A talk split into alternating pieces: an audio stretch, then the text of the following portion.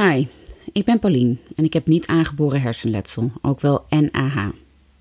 Ik ben deze podcast gestart voor mensen met niet aangeboren hersenletsel en voor hun familie en vrienden. Maar misschien helpt het ook wel andere mensen met vergelijkbare klachten. Ik ken de vele klachten en problemen uit eigen ervaring. De extreme vermoeidheid, geheugenproblemen, duizeligheid, hoofdpijn en overprikkeling. Klachten die, zo weet ik nu, ook herkenbaar zijn voor mensen met een post-concussion syndroom na een hersenschudding of post-IC-syndroom en zelfs sommige mensen die corona hebben gehad. Omdat ik weet hoe vreselijk deze klachten zijn en dat ze snel verergeren met inspanning, probeer ik elke podcast kort te houden en vooral rustig en inlevend. Ook met niet aangeboren hersenletsel ben je gewoon een mens. Meestal is je hogere intelligentie nog gewoon intact. Je loopt alleen vast, is mijn ervaring. En dat is heel moeilijk uit te leggen aan de omgeving.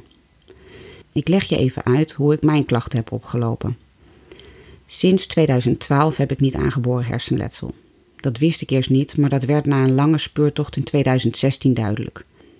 Die diagnose bleek het handvat om gericht op zoek te gaan naar verbetering. Er was nogal wat gebeurd. In 2011 besloot ik dat ik definitief iets aan mijn gewicht wilde doen.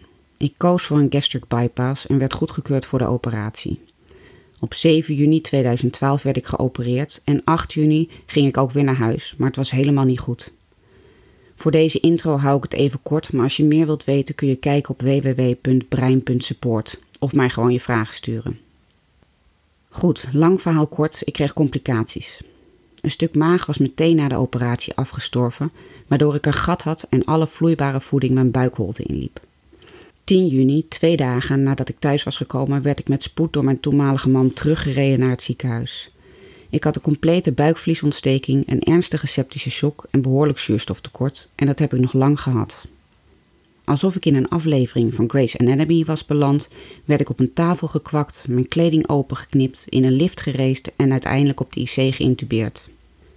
Ik heb veel complicaties gehad en de eerste keer zeker drie maanden daar gelegen, soms IC of Medicare, maar ook veel op een gewone afdeling. Toen ik thuis kwam kon ik helemaal niks meer. Nog geen twee meter naar de wc lopen en ik mocht nog niet eten en drinken. Een bed in de woonkamer, twee kleine kinderen thuis, maar ik leefde nog. Ergens eind september was het gat bij mijn maag dicht en mochten de laatste slangen eruit. Ik kon beginnen met eten en drinken en herstellen. Dat viel nog niet mee, maar de eerste jaren was ik haai op de adrenaline van het overleven en zette ik elke keer weer een stap. Tot ik niet meer verder kwam en de klachten toenamen. Tot dat moment zag ik steeds nog verbetering als ik terugkeek. In het begin al als ik alleen vergeleek met de dag ervoor, later de week ervoor en nog later kon ik altijd wel vooruitgang vinden als ik mezelf vergeleek met de voorgaande maanden. En toen ineens niet meer. Dus weer een medisch rondje. Weer overal vragen wat er nou aan de hand was. Weer nergens antwoorden. Ik had alleen zelf fysiotherapie-revalidatie geregeld, maar verder eigenlijk niks. Al voor de operatie zou ik mijn baan gaan verliezen en dat gebeurde uiteindelijk eind 2013. Omdat ik nog helemaal niet te oude was en reïntegreren niet direct het juiste pad leek, regelde ik in 2015 een jaarprogramma 365 dagen succesvol. De eerste cursusdag was in mijn woonplaats. Ik was heel bang dat ik het niet vol zou houden. Dit was dan ook voor de diagnose. De eerste dag was heel onverwacht. Ik zat sinds mijn ziek zijn in 2012 in een soort emotioneel vacuüm. En die eerste dag van het programma gingen de sluizen open. Maar ik dacht dat ik daar zat om te ontdekken wat voor werk ik wilde gaan doen, bleek ik eerst vooral aan mijn gezondheid te moeten werken. De week erop bracht ik mijn kinderen naar de zwemles en zat ik in korte tijd op de grond van narigheid, helemaal kapot van alle prikkels. Ik zag de moeder van een klasgenootje van mijn zoon en terwijl ik eigenlijk helemaal niet zo assertief was, vroeg ik deze onbekende om hulp. Ik wist dat zij kinderrevalidatiearts was. Zij pikte mijn hulpvraag op en regelde een revalidatieplek voor mij op een gespecialiseerde afdeling van Reade. Wat ben ik haar en Reade dankbaar, want zij hebben de diagnose gesteld. Zowel NAH als chronische PTSS. Daarna hielpen ze mij om mijn nieuwe normaal op te starten. Na de twee jaar revalidatie begon het echte werk. Ik heb het gevoel dat ik tijdens mijn officiële revalidatie vooral informatie heb gekregen en tools om informatie te verzamelen over mijn eigen vastlopen. Het echte revalideren kwam pas daarna. Toen moest ik het geleerde met mijn huidige partner en kinderen in de praktijk gaan herkennen en vormgeven. Zo heb ik inmiddels bergen zelf toegepaste tips en trucs die ik maar al te graag wil delen. Oeverloos tranen, frustratie, wanhoop, maar ook extase en euforie en nog veel meer hebben elkaar in golfbewegingen opgevolgd tot ik tot een redelijk geluksstatus kwam. Onderweg werd ik 100% afgekeurd, had ik een heftige scheiding, moest noodgedwongen verhuizen naar een veel kleiner huis, etc. Het is niet vanzelf gegaan.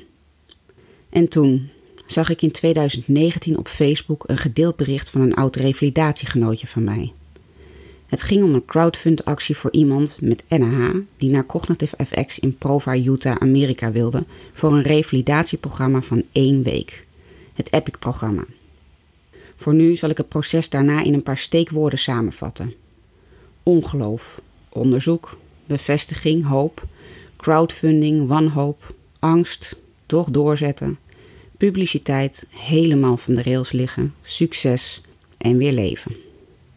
En over alles hierboven wil ik jullie informeren. Meenemen in alle mogelijkheden. Mijn ontdekkingen. De ontdekkingen en eerlijk is eerlijk, de misvattingen van mijn naaste omgeving, familie en vrienden dus. De visie van mijn kinderen. Tips en hacks voor het dagelijks leven. Mogelijke behandelopties, revalidatievisies. Succesvol crowdfunden en nog veel meer. Dat deed ik al in een blog voor mijn donoren. Maar ja, hersenletsel en lezen, zeker op een beeldscherm, is niet direct een goede combi. Dus vanaf nu gaat elke blog ook in de vorm van een podcast verschijnen en ook vanuit verschillende perspectieven. Mijn kinderen, partner, vrienden, revalidatie, wetenschap en alles wat mij verder nog te binnen gaat schieten. Daarom ook, heb je vragen? Loop jij of je omgeving ergens vast? Ik zou het geweldig vinden als je mij je vragen mailt op plien.brein.support of via www.brein.support. Ik weet zeker dat het in een van de podcasts en blog aan de orde kan komen en heel veel mensen er iets aan gaan hebben. Als ik geen antwoord heb, zal ik dat eerlijk zeggen, maar je helpt mij om anderen te helpen door je vragen te stellen. Dus bij voorbaat dank je wel en tot snel.